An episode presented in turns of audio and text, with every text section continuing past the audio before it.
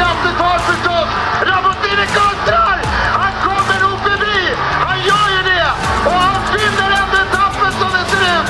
Han vinner ändå! Det är ju helt makalöst! Dette er Gruppo Compato, en podkast fra Sykkelmagasinet med Jarle Fredagsvik og Jonas Lindstrøm. Denne introen, Jarle, minner meg på at du har nærmest lovt meg Roberto Vacchi ved min side en gang i framtiden. Det er lenge siden jeg har tatt opp det. Hvordan eh, går arbeidet? Det er nok lettere å gjøre det off-season. Tror du Ja, ikke det? ja, men- Bortsett fra at han også er veldig engasjert på skidor, da. Ja, det er nettopp det. Og nå kommer jo straks et sykkel-VM. Eurosport det er vel det eneste ritt omtrent i året Eurosport ikke har rettigheter, er det ikke det? Kan ikke du få han til Norge, så vi kan se VM sammen? med han?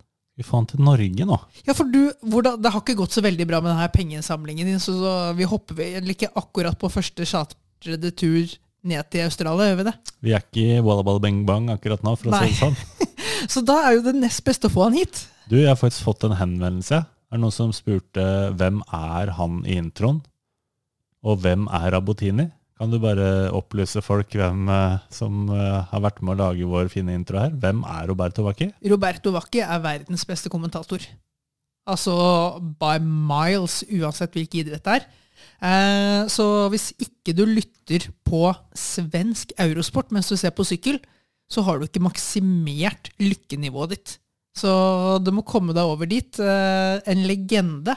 Eh, Rabotini var i ferd med å bli en legende. Så gikk han i dopinggarnet som en del andre italienske legender på den tiden der.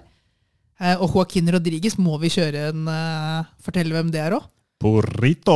Burrito. fantastisk eh, syklist. Eh, god, lojal eh, opptrekker og hjelperytter for Alejandro Valverde i mange år, før han eh, røk bortover mot eh, oljemilliardærene i Russland, i Katjusha, og eh, gjorde et skikkelig navn for seg sjøl der. Og da ble han opptrekker for Valverde i VM i stedet. I stedet Eller for hva de prøvde på. Ja, det var eh, Jeg har en bror som er noe misfornøyd om vi sitter og nevner, snakker for mye om det, for det er bitre følelser for en Joaquin-fan.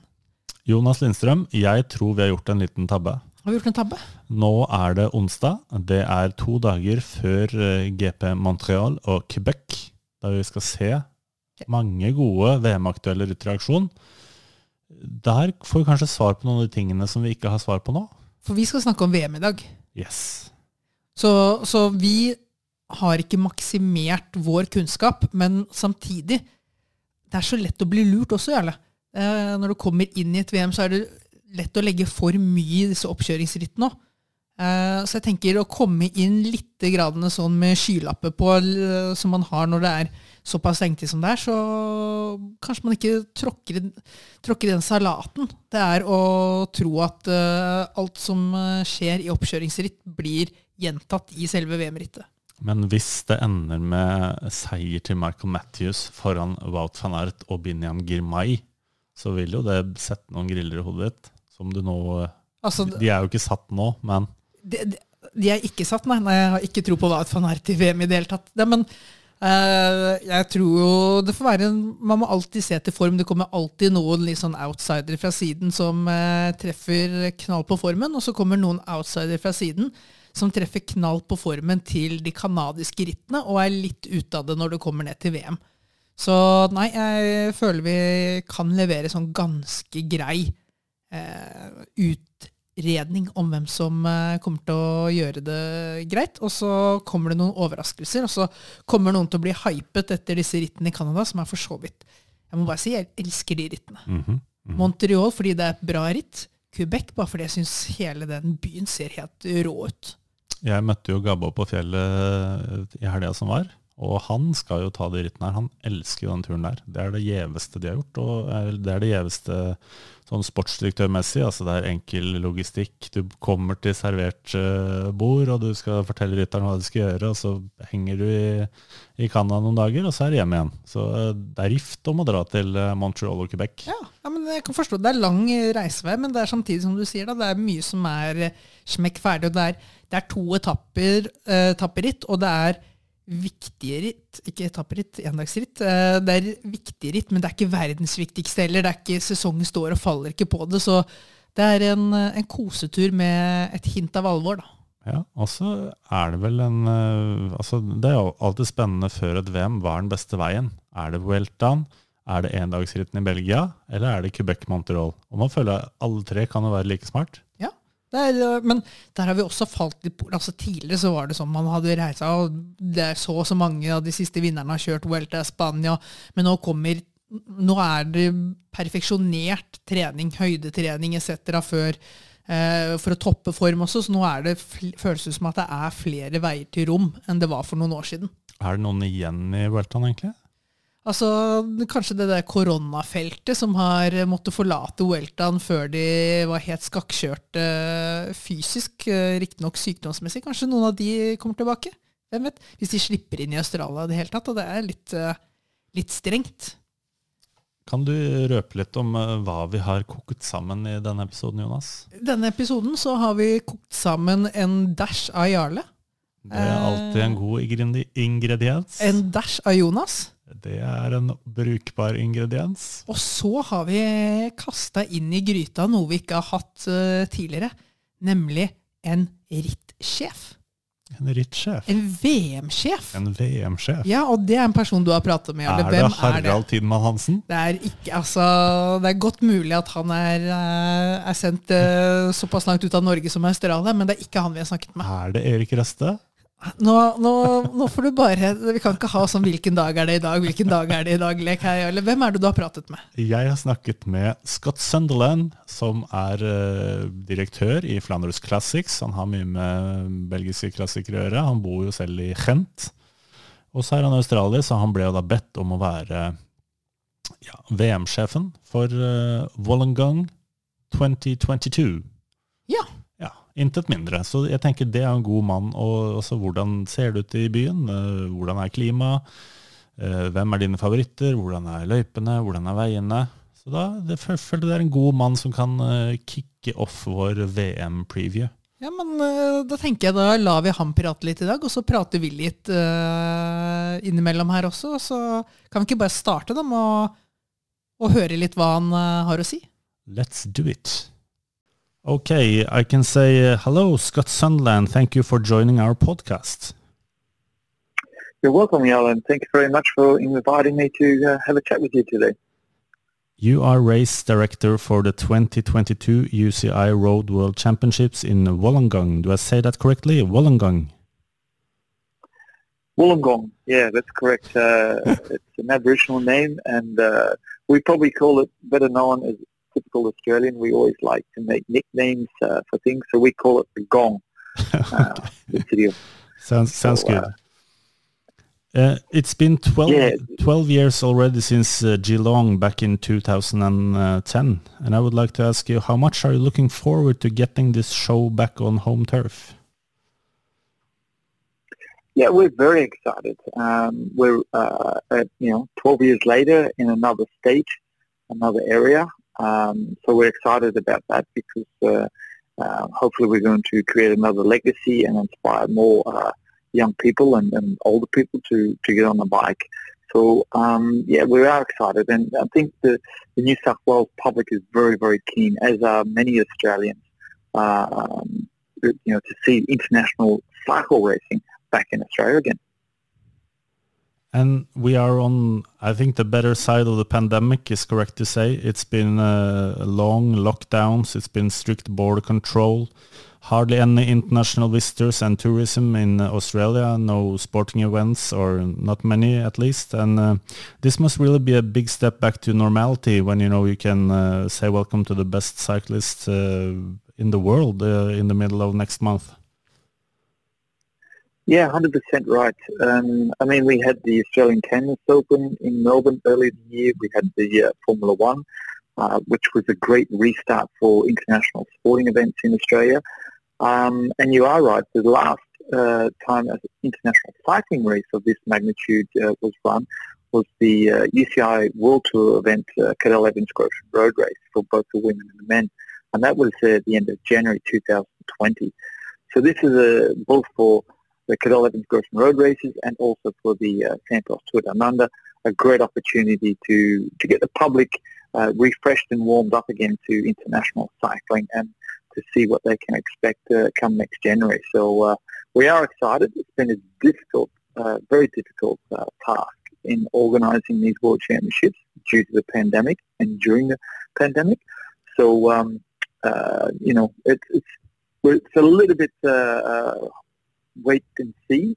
But um, in the same time, I think we're feeling quite confident it's going to be a successful World Championships. Yes, det var jo første, første utdraget fra intervjuet du gjorde med Scott Sunderland, Jarle. Og jeg syns jo det er, sånn, det er fint, fordi uh, nå har vi hatt noen VM i Europa, og selv om det alltid er liksom unikitet rundt plassen, så vet man eh, man vet hva man får i Løven, da. altså i Brostein, eh, Flandern, eh, Belgia. Du vet litt hva du får i Norge, du vet litt hva du får i disse europeiske nasjonene hvor det er mye sykkelritt gjennom året. Men eh, ja, jeg har liksom ikke det, det føles ut I starten har det føltes litt mer ut som at det er stress at det er i Australia. Det er tidsdifferanse, det er langt borte, men jeg merker, det begynner å krible litt grann også når, eh, når Scott eh, maler bildet av, eh, av dette stedet. Jeg merker jo at jeg er dårlig i australsk geografi. Og jeg tenker også at Australia det er jo et lite land, men det er det jo ikke. Det er ganske stort. Og jeg føler meg litt sånn fortapt når jeg hører Wollongong. For jeg, altså det er i nærheten av Sydney, det vet jeg. Men eh, jeg syns det, det har ikke vært hemmelighetskremmeri. Men det har jo vært eh, Det tok lang tid før løypene kom. For det var jo vanskelig for UCI i det å komme seg inn på, på kontinentet der. Det er kommet ut noen profiler nå. Jeg syns egentlig de er ganske dårlige. Det er liksom, Prøver de å skjule noe her, og så har de en altså Selvfølgelig skal de jo få Matthews eller en eller annen av sine gutter til, til å vinne her, men altså Ja, for du, du var jo inne på det her, liksom at uh, Australia har vært nedstengt. Uh, og sånn så er det fantastisk at de, at de får komme tilbake igjen uh, hit og, og, og, og gjøre hele den delen der. da. Åpne opp, og at det blir litt sånn her Det blir virkelig etterlengtet at det er tilbake. Samtidig så er som du sier, hvilke statshemmeligheter er det de har holdt innenfor grensene sine så lang tid? da? Altså I en normalsesong da, så start, da er det jo australske mesterskap og sånn, er ikke det tidlig i januar, eller er det før jul? Og så kommer jo de europeiske proffene og har en treningsleir der borte.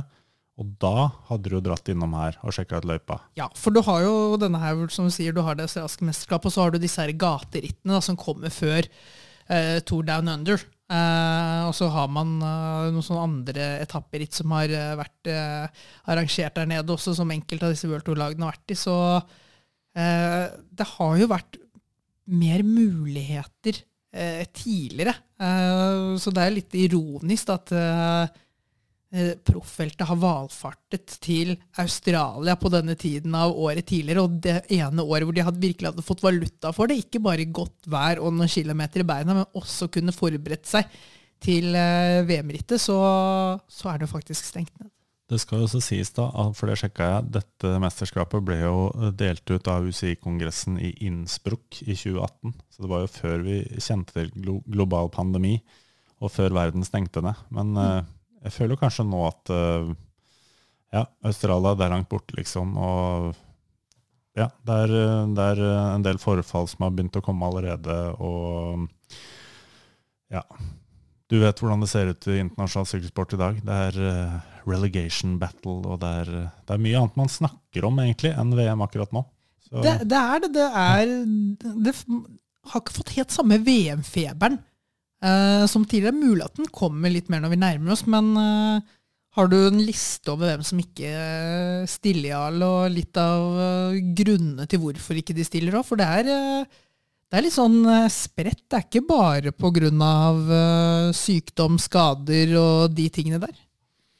Nei, og nå eh, fortsatt litt tidlig, da. Alle disse VM-lagene har ikke kommet når vi spiller inn det her. Men eh, en, en sånn gruppe da, som man merker at er litt borte fra, fra oppstillingene, det er jo de beste spurterne. Altså de som trives på den flateste marka. Da tenker jeg på Fabio Jacobsen, Dylan Grøneveggen, Caleb Ewan er jo vraka av eh, Australia. Jasper Philipsen er reserve for Belgia. Eh, Sam Bennett for eh, Irland kommer ikke. Nei, Irland kommer ikke med noen i det hele tatt, de vel? Nei. Jeg tror ikke de sender et lag i noen klasser. Mats Pedersen nærmer seg 85 rittdager og mener det får holde. Så han har sagt at han er uaktuell. Kan, kan jeg bare si, er Mats Pedersen har sin beste sesong noensinne. Og likevel så valgte han jo egentlig å droppe Milano San Remo. Han ble jo hentet inn der som reserve fordi Philipsen fikk over Nei mm, ah, Jasper Stoiven. Jeg var inne på Jasper, ikke Philipsen, men Stoiven fikk vel covid rett før. Jeg kom inn da, og han, så han har liksom valgt bort Milano San Remo og VM i to løyper som egentlig burde passe han i det året han eh, er på sitt beste. Det er, det er en eh, fyr med baller. Jeg tenker at uh, han må ha en pen kone. Noen å reise hjem til. Han Ja, reiser ikke hjem. Og så er det jo det er, altså det er, det er, Som du var inne på, det er flere grunner. Altså, Tom Pidcock er sliten. Quinn Simmons er sliten. Max Schachmann er sliten. Jonas Vingegård har ikke vendt blikket mot VM. Kasper Askeren, eh, Mikael Wahlgren er skada. De har avslutta sesongen. Uh, og så er det litt Nå var Søren Krag ute med sittesår i tillegg. Så Ja. Og så er det Den ene tingen er jo, er jo økonomi. Uh, altså Irland, uh, som du var inne på, dropper jo det her fullstendig. Danskene har valgt å ikke sende juniorlaget sitt. Mm. Norge sender ikke juniorjenter. Det er forstått er utgangspunktet sportslig, men det er jo kroner Men der hadde det vært arrangert i Norge, så hadde vi, sendt, eh, hadde vi stilt opp med et lag. Eller Skottland. Ecuador har sagt at vi skal bruke én av seks plasser, så de sender Jonathan Narvaez. Så vi ønsker Jonathan Narvaez lykke til. Lykke til. De har veldig tro på han, da. Ja, de har tro på han, men de sender jo ikke Richard Carabas, da, f.eks. Nei, Eh, og så er det, det det andre som pågår, er jo eh, World Tour-status og kampen om det. Så vi ser på Belgia, da. Eh, ingen ryttere fra Lotto Sodal. Arnaud Deli har jo vært bra. Jeg sier ikke at han hadde vunnet der, men han var veldig imponerende i eh, Frankrike her i dette endagsrittet, som jeg ikke helt husker hva heter. Det het Plois tidligere, men jeg tror ikke det heter det lenger. vi kan kalle det Plouet. Plois? Eller Bretagne Classic. Bretagne an- eh, ja, samme det. Nettopp. Eh, og det overrasker ikke deg at Dylan Tøns ikke er på belgisk laget, for han skal jo kjøre inn poeng for uh, Israel. Det er det han har Eh, signert for. og så er det jo fullstendig kaos i Spania. Er det fullstendig kaos i Spania? Yes. Oi, hva skjer der? Det har jeg ikke fått med meg. Alex Aramburu, Alejandro Valverde, Jesus Herada, Peo Bilbao, Luis Leon Sanchez og Miquel Landa er blant rytterne som er I utgangspunktet er de off limits, fordi lagene sier at eh, de skal være hos oss og kjøre ritt i Europa. De skal ikke til Australia. Valverde tenkte jo å avslutte karrieren sin i Wollongang, og det får han ikke lov til, for han skal jage poeng for Movistar. Men Movistar er jo ikke i ferd med å rykke ned. De er ikke så langt over Arkea Samsic, og da er du ikke så langt unna smørje brenner, nok, det brenner blått lys nok til at de har ikke levert noe særlige resultater. Men det det, er litt men, det, men det er verre enn som så. Uh, UAE, som ligger i andre enden av skalaen, For de skal prøve å vinne dette her. syns ikke at eh, Diego Ulussi har noe der å gjøre. Diego Ulussi kunne vært en spennende mann i løypa der. Ineos Grenadiers er lunkne til å slippe Carlos Rodriguez. Ja, Ja. ja. ja. Det er, det, det er mye rart å Ni, eh, Nil, lese. Ja. Nielsen Paulus er tatt ut, men sitter på gjerdet og tenker nå EF Education First, USA. EF Education First, USA. Og vi kommer jo tilbake til uh, dette poenget som jeg også skrev en del om i eh, min veldig gode bok, vil jeg si, Edvald og Alexander, at denne uka, VM-uka, er nesten litt sånn kunstig. For da er det landslag, nye lagkamerater, forbundet har regien, profflagene viker. Vanligvis. Og så tror jeg også det er Du har et tilleggsaspekt at det her at det kun er denne ene uka i året for landslaget, gjør det jo vanskelig å trekke inn sponsorkroner. Og et, eh, for et forbund, da. De, de har jo egentlig veldig lite å kunne gi tilbake til en sponsor, og nå gjennom pandemien, hvor sponsorkronene sikkert ikke har sittet løsere enn eh, noensinne, så tipper jeg at eh, det er en del forbund som har lidd økonomisk gjennom her, og som eh, rett og slett ikke kan ta seg råd til å sende så veldig mange ryttere ned til Australia. Merkelig nok, merkelig nok nabolandet New Zealand har sagt at hvis Og disse utøverne bor i Europa, og de har sagt at hvis dere skal til VM, greit nok det, dere må betale en del av kaka sjøl. Ja. Så noen Ja, men- av disse har sagt jeg dropper VM, det er ikke så viktig for meg. Nei. Og så er det jo Vil ikke gi en tur hjemom engang. De har ikke like pene koner som uh, Mads Pedersen. Tydeligvis ikke. Og så er det jo dette med hvor er rytterens lojalitet? Selvfølgelig hos profflaget. Han er jo der hele året. Det er jo ikke eh, det Jo, men, men Jarle, her, her, det, men det er jo ikke forbundet som betaler en årslønn på 10 millioner. Nei, men Jarle, her må jeg også sette ned foten litt. Grann, da, fordi okay. du, du har fotball, for eksempel, da, eh, hvor du har mange flere landslagspauser. Eh, spillerne får mye mer betalt og større, enda større summer penger enn de gjør her. Og likevel så er det jo kommet det, Jeg sier ikke at det går smertefritt for seg i fotballen heller, men de har jo i hvert fall klart å få til en modell som høres ut som bedre enn hvordan det går i VM i Australia i år. Hvilke modeller er det sykkelsporten klarer å få til, da?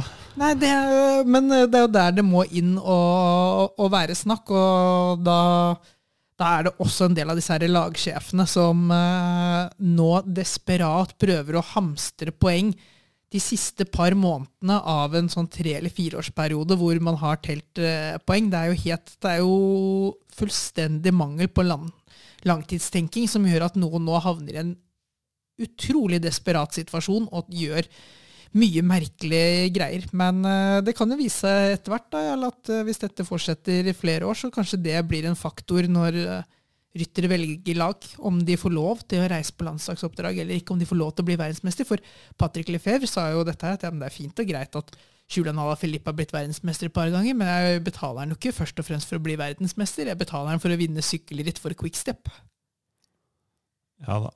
Men uh, så er det Patrick Lefebvre, da. Ja, ja. Men altså, og det er jo en annen greie. Fordi du vil at Patrick Lefebvre vil at en quickstep-rytter skal vinne VM. Så Ja, men vi, Man virker virka som at han var liksom ikke så interessert i det heller. Det gir han ikke så mye. De gir rytteren veldig mye. Han er først og fremst interessert i å se quickstep-drakter først over mållinja. ja, men det er bullshit. Ok. Yes, men med dette her, da, Jarle. Med alle disse frafallene her, jeg, jeg tror vi må gi Scott Sunderland en mulighet til å snakke litt grann om hva vi kan forvente oss i Australia. Eh, som en liten motvekt. Hvorfor det faktisk er eh, en fin greie da, at vi reiser dit, og hva dette landet har å by på. Eh, så kan vi ikke høre han snakke litt om, eh, om landskapet, terrenget, hva som venter oss eh, nede i VM-byen. It's a, a beautiful uh, terrain. Uh, you're right, it's only a short drive down from Sydney. Um, I think it's only one hour drive from the airport, actually, international airport. So it's uh, very easily accessible. Um, we have between Sydney and, uh, and Wollongong, there's a uh, big national park, a very beautiful park, which uh, goes right down to the uh, to the ocean, and um, some beautiful roads which uh, follow the ocean uh, and, and the, the beach side all the way through to Wollongong, which is part of the course, the uh, 34.6 kilometres from the remote start, Helensburgh, for the elite men and women, down to Wollongong, yeah, going one of the nicest and most beautiful uh, uh, beach roads or, you know, uh, coastlines in the world.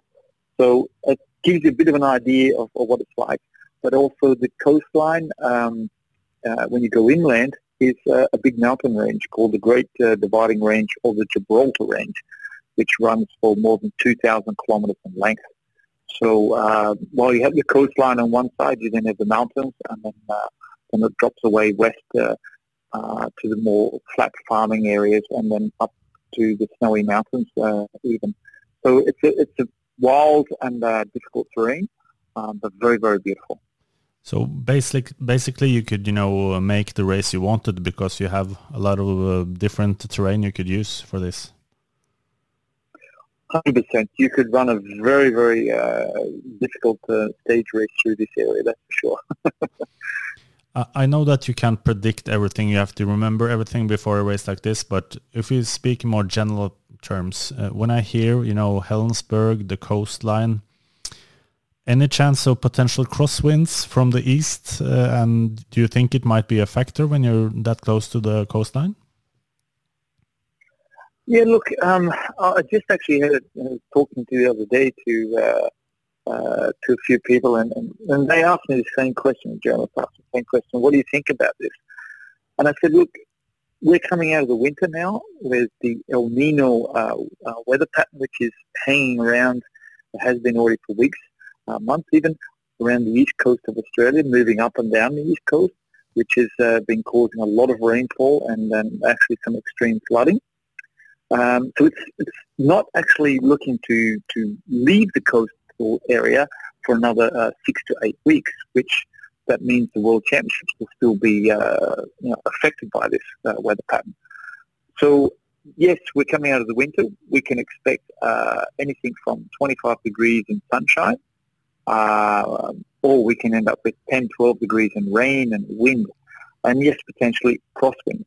So um, it's a full package. Riders need to equip themselves mentally and, and physically with uh, everything they need to uh, for, for you know unexpected uh, weather conditions and, and racing conditions.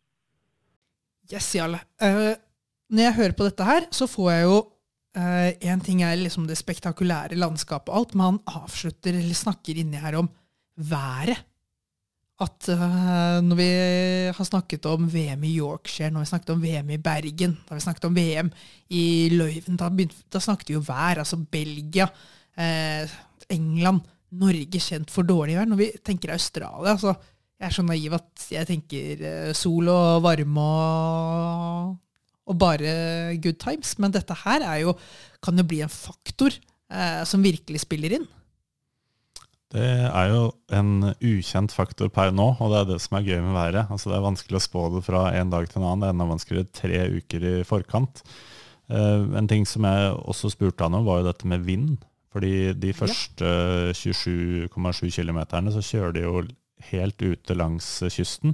Ja, for selvfølgelig å, å, vise fram kystveien, da, hvor flott det er mm. uh, rundt denne byen. Så, men uh, altså det får vi nesten komme tilbake til. Men, uh, det er jo ikke noe man kan forutse, men det er veldig greit å ha det i bakhodet at når vi nå ganske snart skal begynne å snakke om løyper og stigninger og de utfordringene som er der, så så vi vet jo veldig godt hvor stor forskjell det er på et sykkelritt i sol og i regn, og spesielt når vi snakker VM-distanse, når vi snakker mange timer på sykkelen.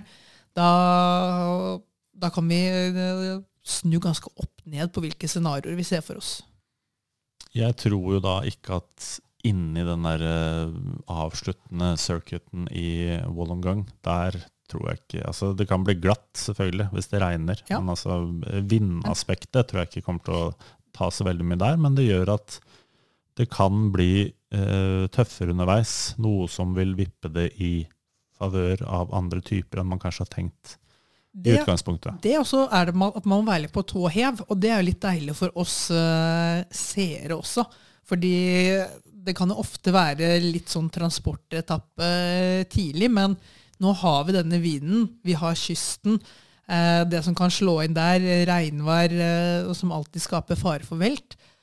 Og så har vi jo i tillegg, da, Jarle, eh, en sånn stigning som dukker opp før man skal inn på denne her rundløypa. Og kan vi ikke bare, før vi går videre med å snakke om resten av løpet, kan vi ikke bare høre litt, for du stilte spørsmål til til Scott Sunderland om denne Mount Kira. Den første bakken som kommer ganske tidlig i rittet, sånn tre mil ut i rittet omtrent. Eh, og som dukker opp der, ikke senere i rittet. Sånn sett så får vi se hva den har å si, men eh, Scott Sunderland kan jo ta oss litt igjennom eh, akkurat den bakken. da. From the profile, it's uh, 8.7k at 5%, but it peaks up in you know 14-15% on the way up. Uh, I guess the placing there, it's merely three 30Ks uh, out in the race. Uh, it might break the peloton to pieces, but it's still, it, it comes too early to make a real damage in the, in the road races. I think the, the placement of the climb um, from the UCI's perspective, they it didn't want to eliminate uh, all potential sprinters from the race. Uh, was their thought behind it. Um, so that way we have uh, 34.6 kilometres uh, from the remote start in Helensburgh to the finish line. And then once across the finish line, we go out onto what we call the Kira Loop, The Kira Loop is 34.2 kilometres long uh, before they come back onto the city circuit, where they enter the city circuit, which is only just uh, very close proximity to the finish line. Um, and of course, yeah, it has got this climb, uh, the Kira Mountain. It's a beautiful climb. It's uh, all in dense subtropical rainforest. So it's very gorgeous, beautiful wildlife um, and, and fauna as well, uh, with great views back over the beaches. But I'm not sure the riders are going to have too much time to admire those views. Uh, maybe in training, but uh, not in the race. Um, but you are right; it, it's quite early in the race. I think it will provoke the early attacks. Though some of the riders or teams, tactics and strategies could be built around uh, having a breakaway going on this mountain, uh, establishing itself before coming onto the local labs, and then that way it forces uh, some other nation to having to, to put the hard work in to, to pull back that breakaway. Uh, once they rejoin um, the local circuit, finishing circuit, um, after doing Kira Loop, they have 12 laps to complete. So uh, it is quite a long way from the finish. But um, different strategies, different tactics, uh, um, you know, this will be played out, um, I'm quite sure. Do you think he could do more damage in the women's race? Uh, they only have six laps, or will it also be uh, too long before the finish line there? I think it can. I think uh, for the women's race, potentially um, it will be uh, probably more of a stepping stone to create a, a good selection. I think that uh, particularly with uh, Van Vleuten and the likes of her, um, that type of rider, uh, I don't think she's confirmed the race uh, now uh, due to a crash and so forth, but uh, due to that type of terrain, the likes of her and who want to go long um, definitely would suit them more. And also for riders who, who don't have, or a nation who does not have good sprinters, that they may think, you know, we need to make this as hard as possible um, for our team to have any chance. So, uh, yeah, I do do think uh, that the women's um, race would probably be more pro to having uh, a bit more success going early on the Kira route. Yes, Hva tror du etter å ha hørt dette her, Dajale, hva tror du om den, løy, den bakken og påvirkningen den ha, kommer til å ha i dette rittet?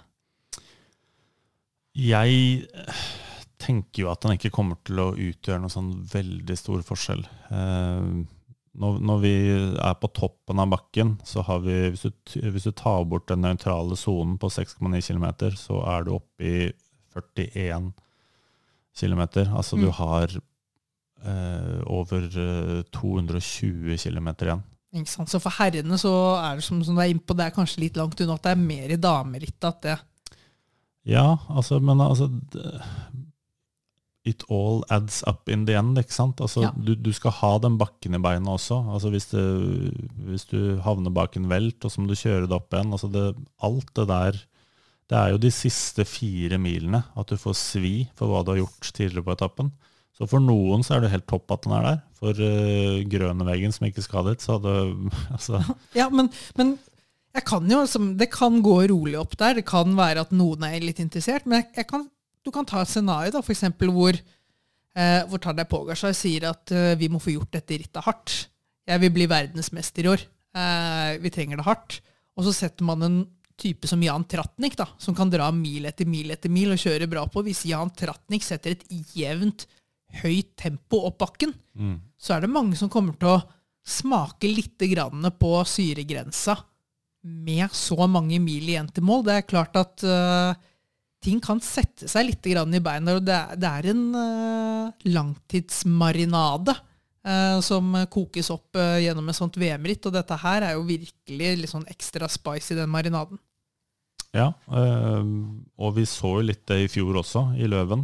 Uh, det var jo ikke måte på hvor mange som skulle gjøre det rittet altså, hardt, og hardt det blei det. For ti år siden hadde vi ikke diskutert Mount Kira i det hele tatt, for det hadde vært bare sånn plankekjøring gjennom. Men sånn som vi kjører sykkelritt nå til dags, så gud vet. Men, men uh, Mount Kira, ja, da har vi hørt litt om det. Hva, hva venter etter det, da? Nei, Det tar oss jo litt over seks mil, så kommer vi øh, inn i de avsluttende rundene. Eh, Første er litt kortere, og så er det 11 til, som er øh, litt over 17 km. Så totalen er jo ganske saftig i seg sjøl. Det ble først meldt at det skulle være 275 km, men den er nå nede i 266,9. Men du som syklet innimellom, Jonas, det er jo fortsatt en god langtur på en søndag hvis du sykler øh, 27 mil. Det er eh, en god dagsarbeid for det vanlige mennesket. Det er en eh, det, det- og det er det som er så spesielt også med altså, I mange av disse andre idrettene, altså friidrett, du løper 10 000 meter, 5000 meter de, er- Det er like langt om det er mesterskap eller eh, en annen 5000 meter. Så der er er man så vant til distansen. Her kommer distansen inn som en sånn liten X-faktor, for det er ikke mange ganger i året man konkurrerer så lenge. Nei, og det som de som vet det bedre enn oss melder, er stikkord. da.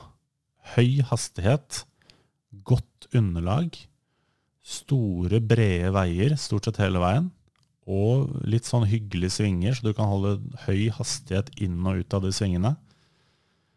Eh, Så jeg ser nesten for meg Formel 1-løypa i Monte Carlo. Jeg prøver å se for meg hvordan det her kommer til å bli. Det er ikke brede veier i Formel 1-løypa i Monte Carlo.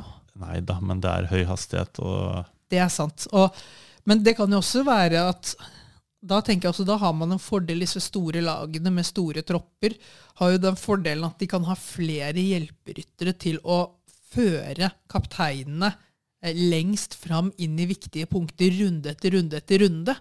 Eh, Et lag som Norge og andre litt mindre lag som har færre hjelperyttere, litt mindre eh, totalt krutt å bruke, de må mer time når er det det er viktig for oss å få fram kapteinen? Når er det vedkommende må sitte framme, så ikke man bare bruker masse krefter på å posisjonere når det ikke smeller? Man må ha litt timing på å være på rett sted til rett tid, ikke bare på rett sted hele tiden. For det høres litt vanskelig ut i en løype som det der. Og så er det to eh, punkter man kan, ja, som er veldig øyenfallende på profilen. Da. Første er Mount Oosley Road. 580 meter, 6,6% De fleste med litt krutt i beina de fiser opp den bakken. Ja. Etter der så er det en uh, utforbakke, og så uh, kommer det en sving inn til venstre, og da er du ja, han, uh, Scott Sundan sier jo navnet på den veien. De har kalt det for uh, Mount Pleasant. Den er 1,1 km av 7,7% maks 14 Uh, som han også er inne på litt senere, så drar han en sammenligning med Berendris. Berendris er 7,1% over 940 meter. Det er litt sånn lengde og hvor mye den moser beina, da. Eh, og totalt eh, 3945 høydemeter. Det er jo en god del, da. Og som de også påpeker, mesteparten kommer fra de avsluttende rundene. Altså Du har Mount Kira som står der og ruver, men det er også en del klatring i den rundløypa der, eller i hvert fall høydemeter, da, Mm. som kommer til å gjøre det hardt. Altså jeg tror, igjen, epler og kameler, eller hva det heter for noe, men eh, det er vel litt over 3000 høydemeter i Amster Gold Race, og så er det kanskje 3-5-3-6 i Liège-Bastogne-Liège. Mm. Eh, Dette er jo også mer høydemeter enn noen av de verdensmesterskapene vi har sett tidligere, så Og det, det, det har jo, Da vi snakket med Scott Sønne, så sa han jo det at uh, dette er jo omtrent så lett av en løype som det går an å lage uh, i denne byen. Ikke motsatt. Det er ikke sånn at de har lett med lupe i flatt landskap for å finne noe, noen utfordringer. De har egentlig mer lett etter flatt land å kunne kjøre på. Og da tenker jeg det sier også lite grann, da, for eh, i København og alt, man prøvde å hype de små bakkene man hadde lagt inn. Det var jo egentlig ingenting. Men hvis det stemmer dette her, da, at det er et knalltøft terreng hvor man har gjort så godt man kan for ikke å lage det så hardt at alle spurtere kan bare glemme tanken eh, om å konkurrere, så, så lover det godt for et uh, spennende, tøft og intens sykkelritt. Jeg tenker jo For en profesjonell aktør da, så har du jo to oppgaver. Det ene er at du vipper det litt i favør av vertsnasjonen. Altså skal det enten passe for Kelly Byen eller for uh, Michael Matthews, eller kanskje begge to. Eh, nå har jo Ewan takka nei, eller han har ikke takka nei, han ble vraka. Men det tror jeg har med at han, hans sesong har ikke, vært, har ikke gått sånn som han håpa. Det andre du skal gjøre, er jo å tilfredsstille de tre tenorer, eller de som til enhver tid er de største stjernene innenfor sporten. Så Du må lage et eller annet som à la Philippe, van Art, van de Poel og de gutta der fatter interesse for. Du kan ikke ha for flatt heller, da kommer ikke Pogacar. Du kan ikke ha for brutalt, da driter van de Poel og Ala Filippi å møte opp. Så du må lage et show, og jeg, jeg syns ikke at vi skal dra den sammenligningen her for langt heller, men se for deg måten Milano San Remo blir avgjort på. Jeg tror vi skal innom noe av det samme. Det er en bakke, noen angriper der, og så er det en utforkjøring. Eh, Gale-Mathias inn mot mål. Blir det samla eller ikke? Den dynamikken er det, er det vi skal glede oss til. Og spørsmålet om det blir samlet eller ikke, handler kanskje vel så mye om taktisk sammensetning i de ulike gruppene som ren kjørestyrke. Jeg tenker at det skal så lite nøling fra de som jager bak, før det her kommer til å fise hele veien over målstreken. Og det er jo, altså, Der kan jeg sitte våken om natta for å få meg, altså. ja, det håper jeg virkelig. Eh, men nå har vi pratet mye om løp, og du har tatt oss bra gjennom, Jarle. Kan vi ikke bare høre om uh, Scott Sunderland har litt, uh, litt, å legge til på om uh, akkurat denne her rundløypa som de skal gjennom på slutten flere ganger? what kind of race could this be in this, in this final circuit? I think the uh, the remote start for the elite men and women uh, is very fast uh, along the coastline, um, and also the Kira Loop. Uh, apart from the climb itself, uh, going uphill, the rest of the course is very fast, the 34 kilometres, and the city circuit as well. It is a slightly technical circuit um, through the back of the circuit, going towards Mount Pleasant, but it's not um, slow circuit. It's very fast. The corners particularly for the first uh, 30, uh, 45, 50 riders, uh, is very technically quite easy to take, and you're able to maintain a good position uh, before reaching climb. Um, but the road surfaces are good, the corners are nice and wide, uh, and I see the riders, the, particularly the first riders, are able to take these corners at full gas. Um, Mount Pleasant climb, that's something else. Uh, I was asked this question yesterday by television and they said, could you compare this to another climb? I said, the best climb I could compare it to in the Tour of Flanders would be the Berenjes climb.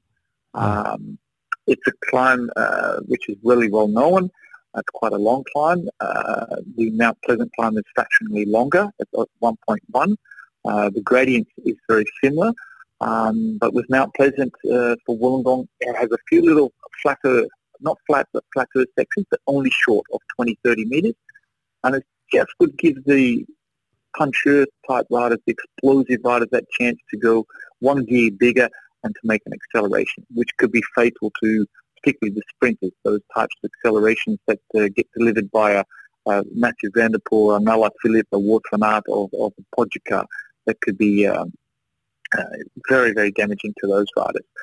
Um, but following Mount Pleasant uh, climb, it's a, a sharp right, and then it's very, very fast descent uh, of about 90 kilometres an hour. I think they're going to reach speeds of with a right, left, right, left corners. Um, also, once again, very fast. And I think with these corners and the speed of the descent, it's going to keep the peloton in a very much a big line. So by the time they reach the end of that descent, it's only uh, five kilometres to the finish. Uh, so there's not a lot of time then to to spend either trying to uh, get away or to keep away or even to chase back again. So uh, it, it's going to be uh, um, you know crucial to, to be have your wits and be uh, be alert. Could you also take me through, you know, I read about Mount Owsley on the profile and Mount Owsley Road and then Mount Pleasant. Uh, is it, you know, a, a short hill uh, at first and then it's uh, a downhill section and then you go up to the Mount Pleasant or how does that look after each other? Yeah, Mount Ousley, um, I climb, we're actually just taking the first part of that. Um, so this is where we're going to be having the second speed zone area. And it's more of a, a hill of about uh, 500 meters, 600 meters, enough. But it's a climb that if they're going hard, they'll be doing in, uh, probably 35, maybe go over the top of the hill at 40 kilometers an hour. But that will be big effort in general, I think most times they're going to be taking this climb at around the 35 uh, sorry, the 30 to 35 kilometres an hour. Um, but you are right. Once you crest this hill, it's a uh, short downhill to the right, uh, about 750 metres, and then a sharp left onto the uh, Mount Pleasant climb up uh, Rama, uh, R-A-M-A-H, Rama Avenue, and um, yeah, that's that's where it's going to hurt. We, we had uh, Alexander Kristoff, you know, the big Norwegian champion, uh, as a guest on this podcast a little bit earlier, and he said about Mount Pleasant, just over 1K and 119 meters of eleva elevation. It can't be that bad. but uh, I guess I guess you, you you gave us a key factor now because there's a sharp turn going into the climb. So you'll start it in kind of low speed, or how is it in the beginning of that climb? Well, if it's Alexander Kristoff, I would say that uh, on the Mount Ousley part, he will manage that very easily. Being a sprinter and a classics rider, he'll be able to position himself well. Then with the descent, uh, that helps him as well because he is a big man. Um, so I'm sure that he can take that uh, final turn onto uh, Mount Pleasant uh, climb um, in a very good position. Um, I actually put him down as one of the outside favourites for this uh, World Championships, particularly if the weather is not favourable, uh, and particularly a younger uh, Alexander Kristoff, I would put him in uh, probably my top three of, of chances of, of uh, getting on the podium uh, or even the victory in this race. I'm not sure today how Alexander's going to go, but um, I definitely would not write him off. I think this course, when he can survive it and he has a good team around it to help him, uh, he can still be a challenger for, for these World Championships, at least for a podium uh, place, you know. Han åpner døra for Alexander Kristoff, Jarle. Han åpner døra for Alexander Kristoff. Trenger, trenger, vi nordmenn å høre noe mer? Eller eh, er det bare nå å begynne å, begynne å snakke om uh, mulige norske medaljer? Ja og tja. Uh, jeg, er, jeg er usikker, altså. Men uh, altså, jeg, han er jo også inne på en litt yngre utgave av Alexander ja, Kristoff. Men, er, men er, ikke denne, er, ikke årets utgave av Alexander Kristoff litt grann, at han har ikledd seg sin ungdomsdrakt igjen, da?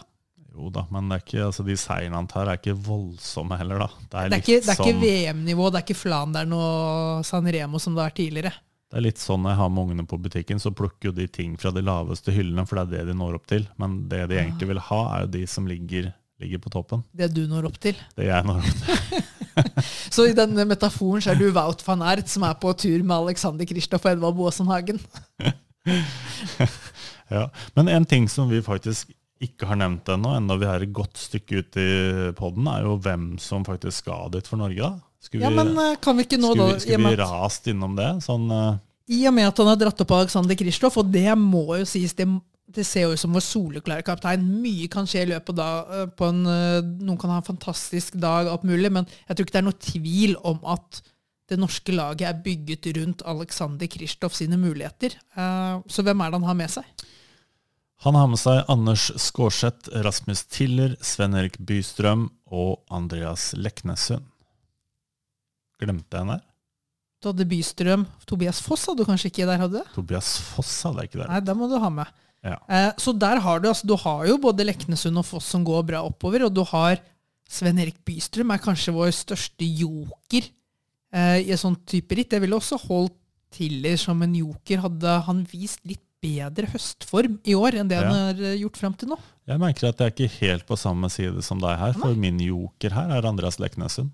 Det er Andreas Leknessund. Mm, men ja. det kommer jo helt an på hva han skal gjøre. Altså Han kan gå på et stunt når det er uh, to og en halv runde igjen. Han, så jeg sier ikke at han blir verdensmester, men altså han, du, du, kan bruke han til å, å, pushe litt. da. Han er god å ha i forkant. og Han har jo vist det med måten han har vunnet sykkelritt på i år. at vi vi er over der hvor vi tror at Andreas Leknesund skal sitte til en siste bakke og så punche av gårde. Så det var noe snakk om det en periode. Glem det. Liksom. Det er ikke Andreas Leknesund. Han må ut i forkant. Han må få juling over tid, og gi juling over tid. Først da har han mulighet. Og det er jo akkurat i sånne lange ritt da, blir det litt krevende forhold underveis også, hvor alle er på stålet på slutten. Og det å hente en mann foran blir vanskeligere og vanskeligere, fordi det er ikke noe krutt igjen i beina til de som sitter bak. Selv om de ikke har tatt føring gjennom dagen, så har de fortsatt kjørt 25 mil og fått juling. Jeg tenker jo det vil oppstå situasjoner hvor det er akkurat de egenskapene der vi har mest bruk for. Og da er Bystrøm han er jo gull å ha. For altså, Så du hvordan han taua Kristoff rundt i Deutschland Tour? Altså, på, på, altså, Det er eh, altså, det, dette er jo sju hakk opp fra det, da, dessverre. Men altså kunne vi fått til noe sånt i VM, så hadde det vært helt knall.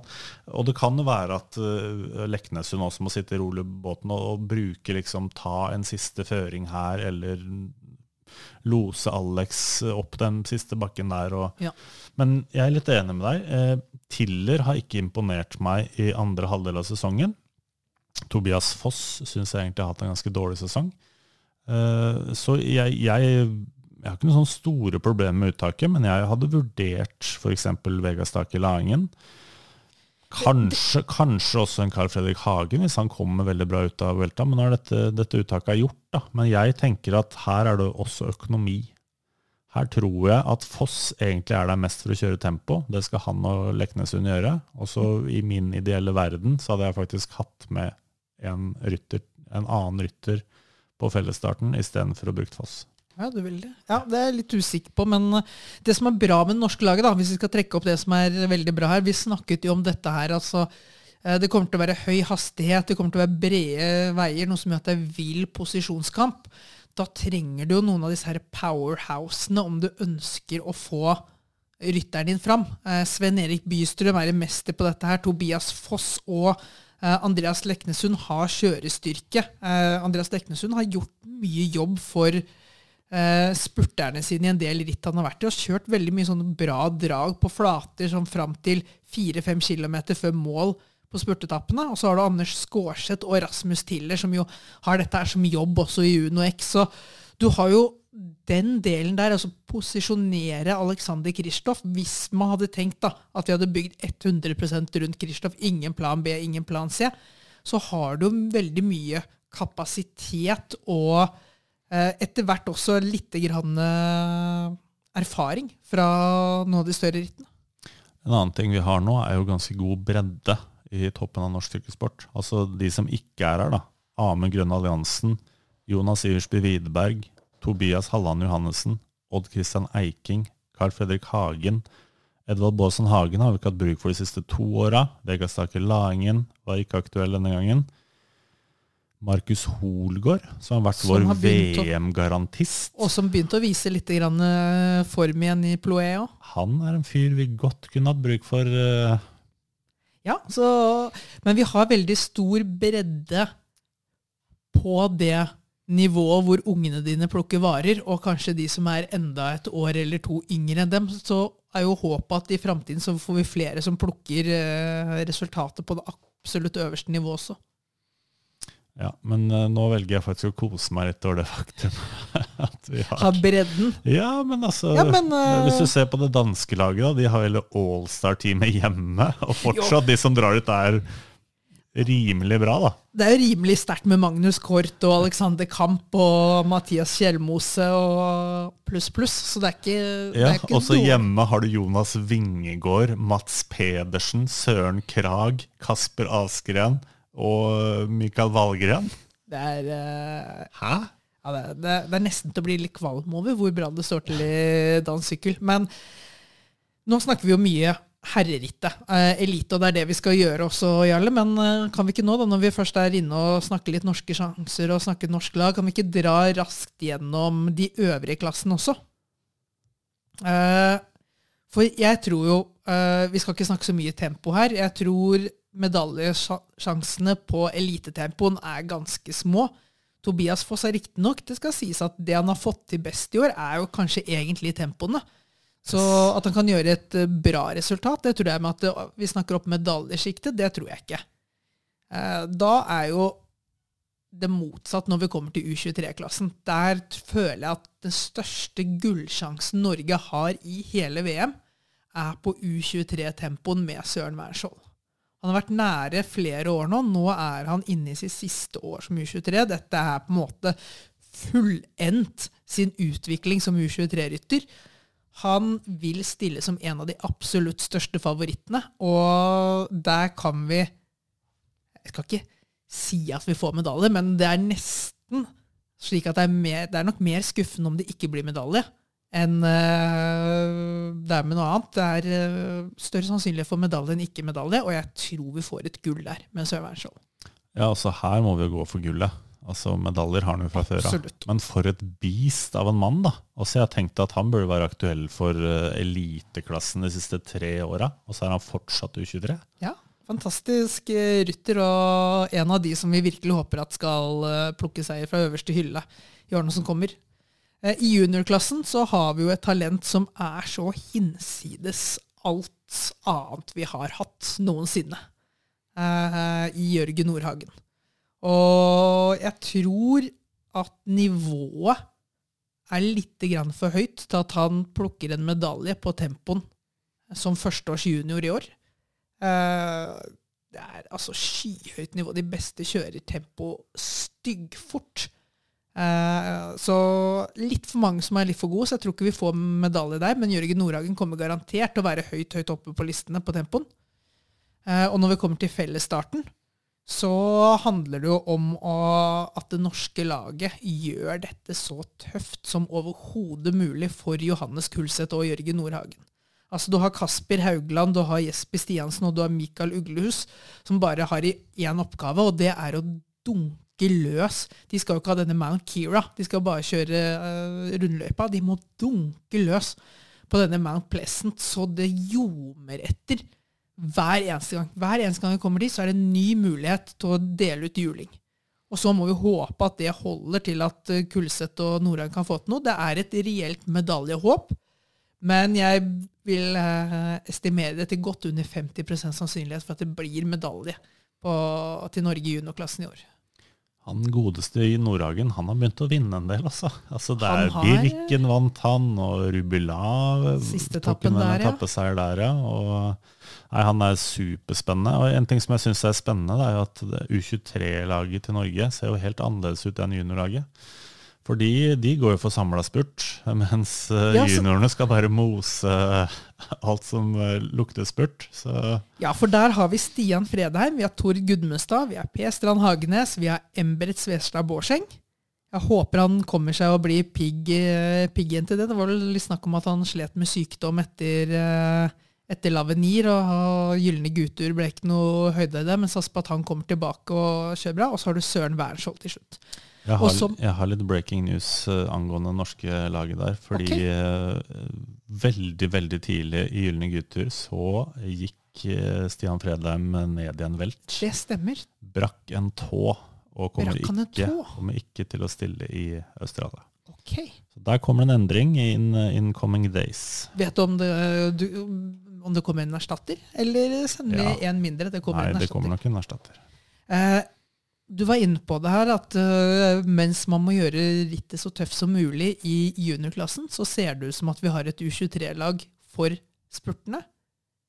Jeg vil likevel si at vi ikke har det. Jeg vil likevel si at den beste norske gullmuligheten i U23 er Hagenes yrke. Vi så det i junior-VM i fjor. Ja, han er bare førsteårs U23, men jeg tror at han er vårt sterkeste kort i U23-klassen. Man- det er- Søren Wernskjold er den naturlige mannen å peke på, men han kommer til å legge ned veldig mye kraft og fokus på den eh, tempoen. Eh, og Strand Hagenes har en sånn internasjonal klasse i kicket sitt i sånne korte bakker. Jeg ser for meg han og Roman Gregoire, som hadde vært med han til linja i juniorklassen i fjor. Hadde han ikke posisjonert seg så dårlig inn uh, i den bakken og havnet bak velten av uh, franskmenn som gikk uh, det Hagenes uh, dro til. Så jeg tror det, sammen med en del andre sterke U23-ryttere, så kommer det til å skje mye i bakken der. Jeg har et godt håp om at det ikke blir en samlet spurt, og jeg tror det er det beste for Norge også, selv om vi er samlet, så kommer vi til å ha Søren Wernskjold som bare skal bite seg fast så godt han kan bak der, og spurte om eh, medaljer hvis det samler seg. Så Strand Hagenes ville jeg hatt som en plan A. Søren Wernskjold bite seg fast som en plan B. Det er eh, mine tanker rundt det U23-laget, og det er mye mulig at vi får medalje. Eh, jeg har det litt som juniorene. Det, det kan gå, men eh, det, skal, det er mye som skal falle, eh, mange brikker som skal falle riktig på plass også for at det skal gå. Har du damene der også, eller? Ja, da er vi stille med Katrine Aalerud. Marte Berg Edseth, Ingvild Gårdsen, Mari Holemor og Ann Dorte Ysland.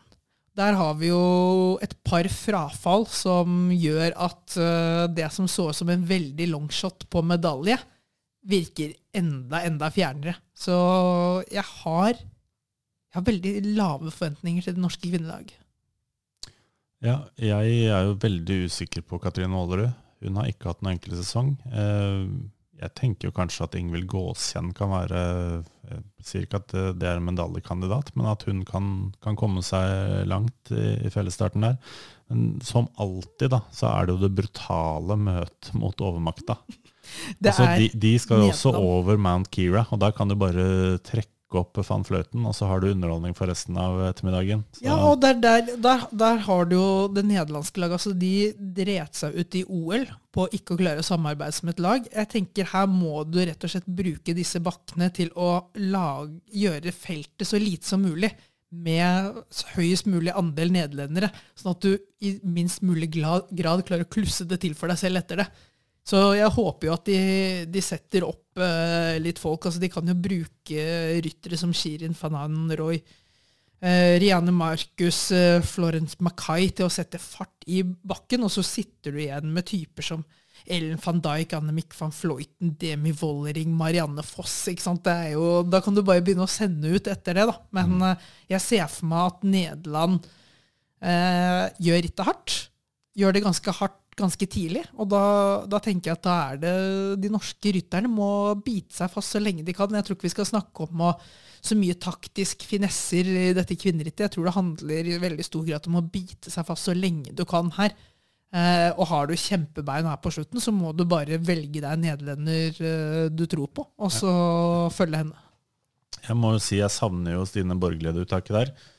Eh, som har vært bra eh, fra, fra sommeren og fram til nå. Eh, og så er jo Susanne Andersen ute, for hun har tatt kragebeinet på nytt. Ja, og Mjots der ute også. Ja, hun hadde vært bankers. Så dette laget her hadde sett annerledes ut hvis uh, Omtrent halve laget hadde vært byttet ut hvis man hadde hatt folk som var, var klare. Men uh, jeg, jeg syns det er bra da at uh, man sender et lag ned hit. For du, med de norske juniorjentene så snakker du om at man ikke sender ned pga. at nivået ikke er godt nok. og jeg tror ikke vi er sånn der fryktelig langt unna å ha samme diskusjon på kvinnelaget, nå som uh, vi har mistet våre to antatt beste i tillegg. Men uh, vi stiller ikke bare med et lag, vi stiller med fem ryttere der. Så vi stiller kvinnesterke, og jeg håper noen der har sin om ikke sin livsdag, så i hvert fall årets beste dag. For det er mange der som må sette litt sånn uh, sesongbeste for å, for å, henge med inn mot uh, finalen. Uh, da har vi snakket litt om de norske mulighetene. og så tenker jeg at vi må få et litt bredere perspektiv. Vi må se på det internasjonale her også, Jarle. Og da tenker jeg at før vi begynner å drodle for mye rundt det, så stilte jo du Scott Sundland spørsmål om hva slags ryttertyper som passer til eh, denne løypa her. Så la oss høre litt og få et innblikk fra mannen som kjenner løypa bedre enn noen annen, da, om eh, hva slags typer som, eh, som kommer til å trives i Australia. Yeah, for me, I've, I've looked at this course uh, many times and, and the time of the year and the preparation the riders are, are, making for this event and who's actually in form at this moment. So I think that the who we're going to see, the main contenders, the antagonists for this event, will be those from the Tour of Flanders, um, because this is a world championship of 200, almost 270 kilometers. So we are going to see riders who uh, are very prominent in the uh, Tour of Flanders and also the Liège-Bastogne-Liège uh, explosive type riders, riders who are used to riding at a very high speed, the sprinter types who are able to keep themselves in good position, who are able to uh, save energy, uh, you know, uh, economize their effort. Um, but also in the final laps, um, particularly after 50 kilometers, you need to be ready to to fight, and that all comes in the last uh, 40 kilometers. So that's after 220, 230 kilometers of racing. So uh, it's very much a race of attrition, and um, I think uh, you know we potentially could uh, finish up with someone going solo, or we can end up uh, potentially finishing with a group of uh, 10 to 20 riders. I- think the big, uh, you know, excitement and, and tension will be people attacking, you know, close to the top of Mount Pleasant and the fast downhill. And will they, you know, get it back together before Lion or not? And that's uh, maybe the races uh, which is much, much uh, most fun to watch when you have that excitement, you know, all the way to the final meters. Definitely. I mean, no one expected France to go on the attack so early last year. So we only need one or even more nations doing the same this year. Uh, for example, we just talked about it earlier in the conversation, is uh, on Mount Kira. Uh, if you have a too big of a group in front, you have some very big uh, motors in the front. Um, you know, who knows what uh, what could happen? Uh, particularly riders coming out of Tour of Spain, uh, who maybe not as explosive as some of the riders who have chosen a different path to the World Championships in preparation. Um, but they'll have the attrition to, to go from a long way, and uh, and they survive.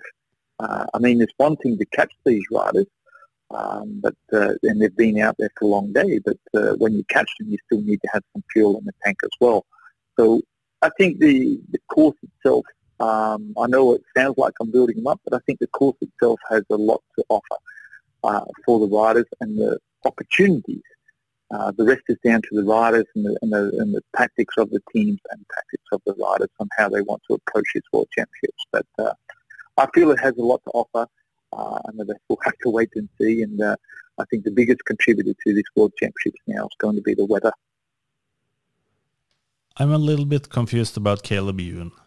He said back in uh, December uh, this would be his main target in the second part of the season. He knew he could win there. Do you think it's more a result of how, how the season went, you know, from Le Tour and so on? Or do you think he figured out that the route would be too demanding for him? Um, we all talked about this early in the piece, and, and I was quoted early in the year in, uh, when we announced the courses uh, that all sprinters will have to come with their A plus game. Uh, you have to be at your very best that you, you can be.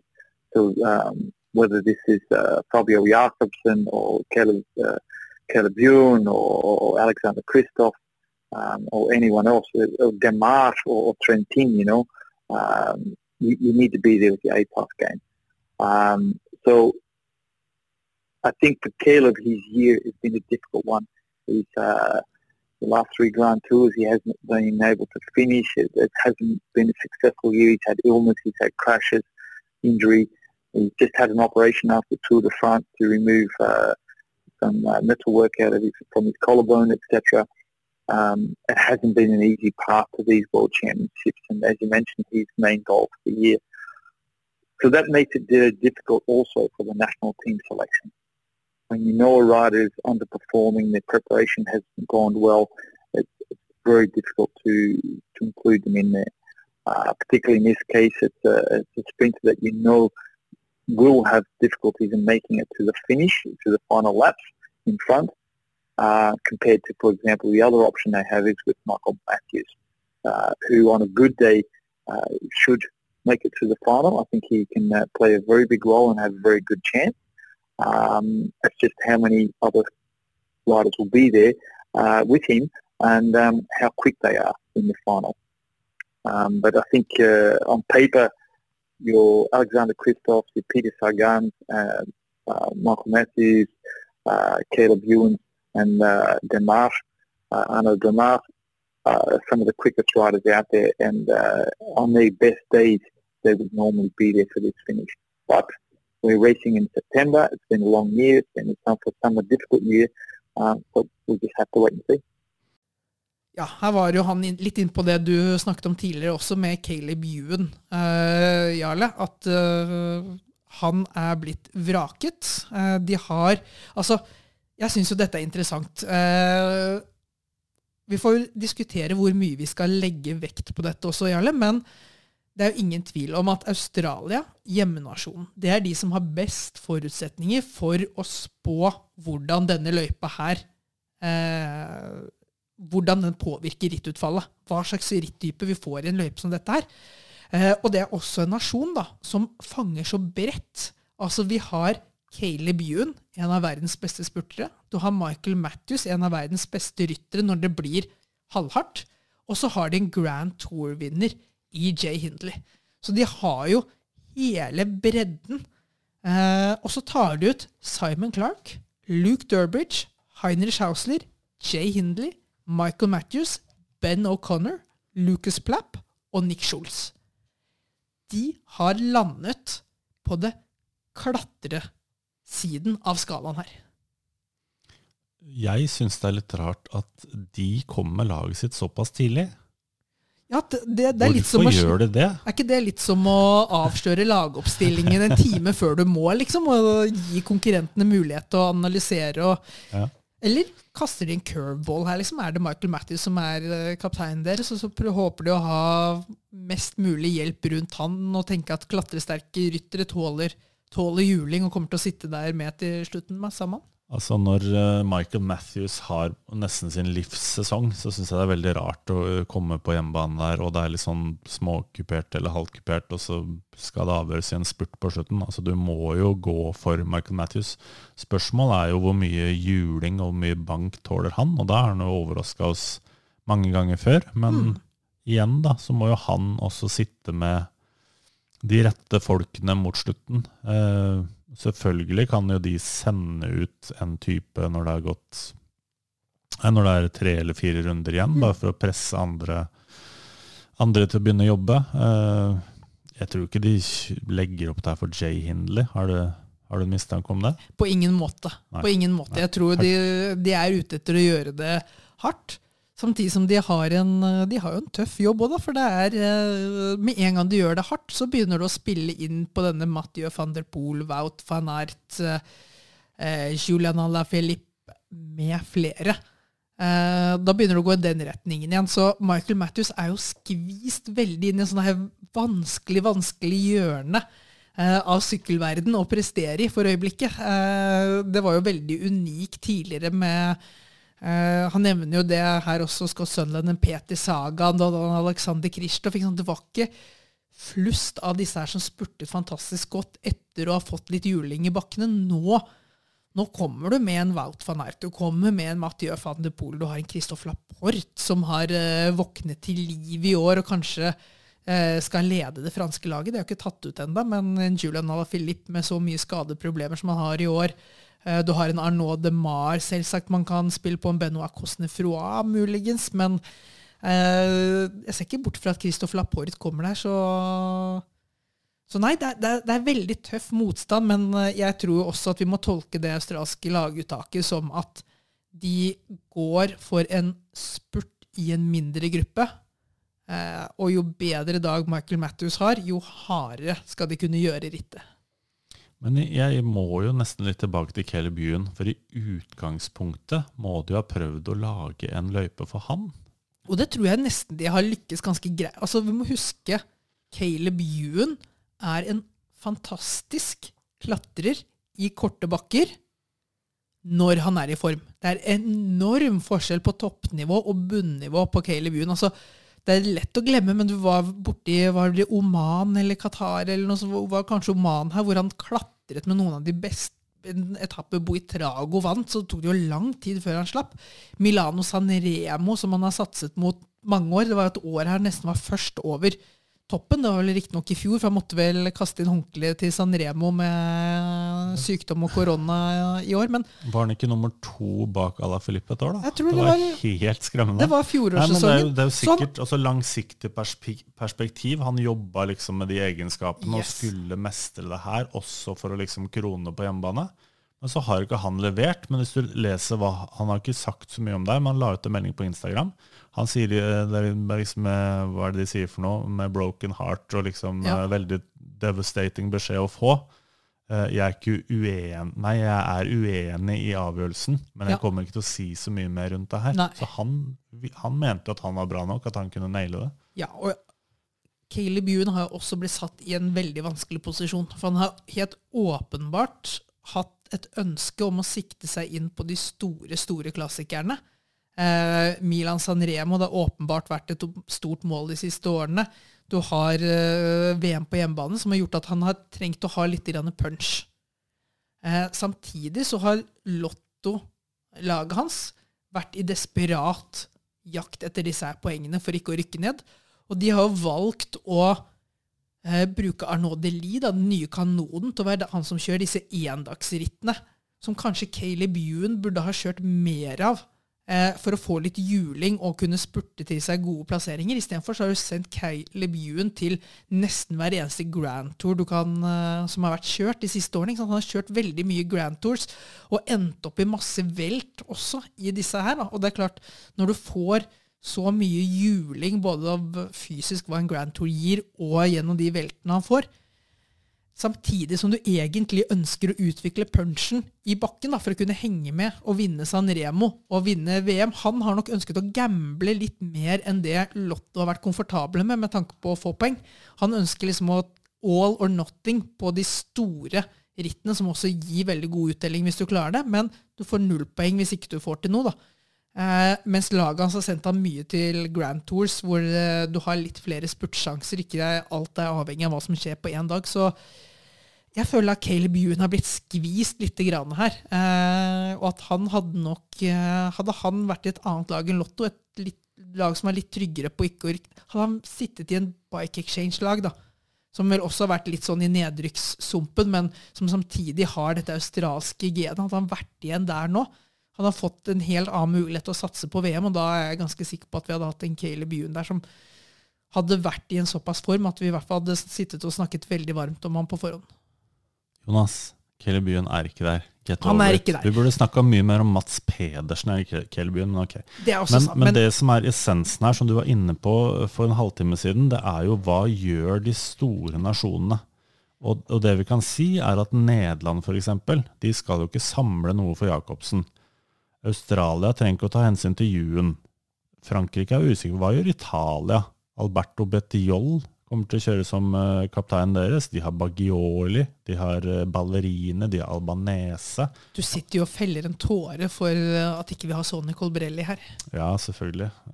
Men det har vi ikke. Og så aner vi ikke noe om hvordan Spania kommer til å se ut. Altså Marc Soler og Juan Ayuso er jo egentlig duoen som har sagt at vi kan kjøre, og vi får lov av laget vårt. Woho! Han, Noen som stiller opp! han landslagssjefen sa jo at eh, to av de åtte han ville ha med seg på lista, hadde sagt ja. Så de har jo kjempetrøbbel. Så altså, hvis du bare fortsetter med de, de som har fulle lag, da, Storbritannia Det er jo en ganske dårlig VM-nasjon, egentlig. De får det aldri helt til. Ethan Hater og Fred Wright. Uh, Thomas Pidcock syns jeg har vært superspennende inne i løypa der. Han er jo sliten. Han er sliten, ikke der. Uh, nei, så det, også, Men så har du Belgia, da.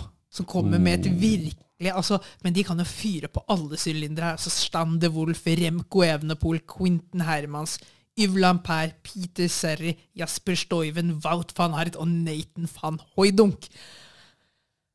Og ja, du har Nederland på kvinnesiden, og så har du Belgia på herresiden. Er det, skal vi si at eh, det er i de to lagene som på en måte har Det er deres ritt å tape, da, om vi bruker den eh, betegnelsen.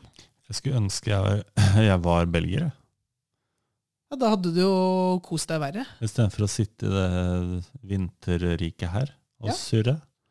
Nei, altså, amazing. Jeg kan fint se for meg eh, tempo-verdensmester Remco Evenepool og Landeveis. landeveisverdensmester Wout van Aert. Men sånn føler vi har sittet veldig før. Veldig mange i VM har hauset opp uh, Belgia, og så har det ikke Ja, jeg vet. helt blitt det man hadde trodd. da. Det skal spilles først, som man sier på Briskeby. Nei, altså Kruttsterk duo, da. Hvordan uh, sjonglerer du Evenepool og um, van Aert? Det funka jo veldig dårlig i fjor. Da Det gjorde det. gjorde jo for så vidt uh, Evnepol manns jobb og mer til, men der føler jeg at uh, Wout van Ert hadde jo ikke helt dagen. Han klarte ikke å, å, å følge opp, og det ble jo et uh, heseblesende, brutalt ritt, da. Så um, de har jo da en fyr som Jasper Philipsen, som også har hatt en brukbar sesong, og som godt kan tåle litt bakker. Han er jo førstereserve. Ja. Men, altså, de har jo andre hester å spille på. De har jo mange hester å spille på, men eh, jeg tenker jo de kommer også Altså, Det er flere av de verste konkurrentene dere som ser svakere ut nå enn de gjorde før VM i fjor. Altså, Mathieu van de Poel er et eneste stort, gigantisk spørsmålstegn. Det har vært eh, helt siden Giro d'Italia, faktisk. Men dette bør passe han så utrolig Det bør bra. passe han. Og ha- Det bør passe han så bra. Og vi så hvor raskt han kom tilbake etter denne her skaden fra OL. Altså Han, tok jo, han starta jo sesongen litt sent, men var jo rett på vinnersporet med en gang. Så eh, ikke undervurder han. Men en Julian Alaphilippe ser ikke ut til å være i nærheten av det han har vært. Eh, så, men ja, belgiske Og dette er jo det som er litt morsomt, da, for eh, hvis du det ene året brenner deg på at du ikke har hatt en tydelig kaptein, så kan du banne på at de dukker opp neste år med en tydelig kaptein. I fjor så brant de seg på en veldig tydelig kaptein, og kanskje ikke spille ut alternativene godt nok. Kommer vi derfor da med et belgisk lag som ikke er like samlet rundt Wout van Ert, som kanskje hadde vært naturlig, fordi de har litt i baktanken at det er om å gjøre ikke dumme oss ut på samme måte som vi gjorde i fjor. Den rytteren du ser etter, da, han har stayer. Altså han tåler 250 km pluss, Ja. som du har i de største klassikerne. Han har sikkert et punch og går brukbart i bakker. Og han skal aller helst ha en god avslutning, hvis han ikke skal komme solo inn til mål. Yes. Jeg eh, har jo fortsatt mareritt om løven, for da lå jeg der seint på kvelden etter å ha vært på en eh, voldsomt lang sykkeltur i min verden, og, Kortere enn 266 km. og så over favorittipset mitt. Hadde seks stykker på blokka, gikk ned til fem, skjøv ut Julia à la Philippe. Kan ikke du bare fortelle oss hvem du skyver ut sist denne gangen? Da? Hvis du legger ut det på Twitter, så kan alle se hvem som vinner, og så kan de sove lenge den uh, søndagen istedenfor. Jeg er klar igjen for å skyve ut Julia à la Philippe. Og så er det liksom, Jeg kan se for meg måten han vinner på også, men jeg er helt enig at han, det er mye som har gått på tverke for han i år. Og som du sier, Laporte er en skikkelig dark horse. altså For en rytter han er. En annen ting jeg bare lyst til å si, har du fått med deg uttaket til Tyskland? For dette føler jeg liksom andre siden av ja, det var Det er eh, Hvor har sykkelnasjonen Tyskland blitt av? Nikias Arnt, Nico Dens, Miguel Heidemann, Jonas Koch, Jannik Steimle og Georg Zimmermann. Altså, de skal sykle lenge for å vinne den tittelen der. De, de, eller de skal sykle lenge nok til at uh, i hvert fall 75-80% av feltet blir tatt ut med korona. De får håpe at det blir sånn koronatest underveis i rittet, hvor eh, de kan eliminere motstand. For eh, hvis ikke det skjer, så tror jeg ikke Tyskland har mye å, mye å stille opp med. Har du eh, klart å hoste fram noe favoritttips eller noe podie, eller hvordan, hvordan ser altså En fyr som vi nesten ikke har vært innom, er jo Pogacar, som eh, vil alltid være en, eh, en fyr det er umulig å å ignorere. Eh, nå ser det vel ut som at Primus Roglic kanskje begynner å få nok bank, eller? Skal vi anta at han ute av Vueltaen så har han nok fått eh, nok juling, men eh, vet du hva jeg ønsker å gjøre, Jarle? Før jeg gir deg mitt uh, medaljetips, så skal jeg lytte litt til Scott Sunderland. Jeg skal jukse såpass, og det tenker jeg skal lytterne få lov til å gjøre også. Så tenker jeg vi tar siste delen fra Scott Sunderland for hans eh, tips til eh, hvem som tar medaljene. Og så skal jeg, så skal jeg servere deg hvem jeg tror etterpå. You, you have to come with your pro tip, uh, Scott. I know that you've been riding uh, the the circuit uh, on your own, and would you like to do uh, gold, silver, bronze for both both the men's and women's race? And uh, how would that list sound? Um, wow, okay. Uh, for the women's race, I think that's more difficult to pick for me uh, than the men, purely because uh, seeing what I saw for the Tour de Femme um, and coming into the World Championships here, the nations is always a difficult one. On paper, Holland has got the strongest team, but also typically they, they tend to race more against one another than with one another or Yeah. for one another. So um, I'm going to go out there and go for Cecile Ulrich, gold. Um, uh, potentially Lotta Kopecky, if she's got it right. I would say she would have to be close. So I'll put her on the podium second or third because I think Cecile can potentially go away. Um, I think you have to be a little bit careful about Balsamo uh, as well. Uh, I think she has a good chance. She rode a very strong race last year. It was also very difficult. Um, so and I think she's very, very motivated to, to come back and do a good race. She's been very good this whole year. Uh, so um, yeah, I, I think that's probably going to be my three. Weavers, I think she's going to come a bit short. It depends on the race. Okay. If, if um, and how. So yeah, it- it's it's a hard one. Like I said, it's it's a very difficult one to pick. For the men, for me, it's a little bit easier. Um, I think uh, for me, it's going to be, and I don't know which order. Alaphilippe, Podjaka, and uh, Watson. Wow. And of course, uh, you remember who became the world champion and the under 23 champion in the men's uh, edition last time around in Australia? Yeah, it's Michael Matthews. Yes, And and, I know that he's, uh, sorry, and Thor Hushovd. and Tor Hoshov. Yeah. yes, definitely. Man, yeah, I don't know. I was there. I was there. I saw this. I saw this. So, uh, um, And we're, we're, also, uh, we're hoping for better TV coverage this time. yeah, I hope so. I hope so. I think uh, the TV coverage should be good. And I think um, we're looking at all the finishes uh, scheduled for uh, the road races for 5 p.m. in Australia. Uh, so that means that uh, people will be able to catch the finishes uh, uh, at 9, 9 o'clock in the morning. They'll be able to see the finish. So if you get up at 7, uh, have breakfast while you watch the road races, you'll be able to watch the last two hours of the race. And can you also promise us some kangaroo babies either before the start or at the podium afterwards? Um, I'm sure there's going to be some kangaroos make it into the into the uh, footage or at least the highlights somewhere along the line. I'm sure there's going to be some uh, plenty of beaches, plenty of surfers on the beach, uh, and, and plenty of uh, wildlife and, uh, and great great views of the of the coastlines of Wollongong. Okay, I'd like to thank you, Scott. Thank you very much for doing this uh, World Championship uh, preview with us, and uh, good luck with the championship um, in the middle of next month. Thank you very much, and uh, all the best to you. And um, yeah, thanks for having me along. Ja, det er jo vanskelig å være helt uenig med Scott Sunderland, men det er også vanskelig å være helt enig. Ok, Så, men det er klart, med Julian Alaphilippe, den siste julingen i Spania og sånt eh, Jeg sitter her og tenker Wout van Aert.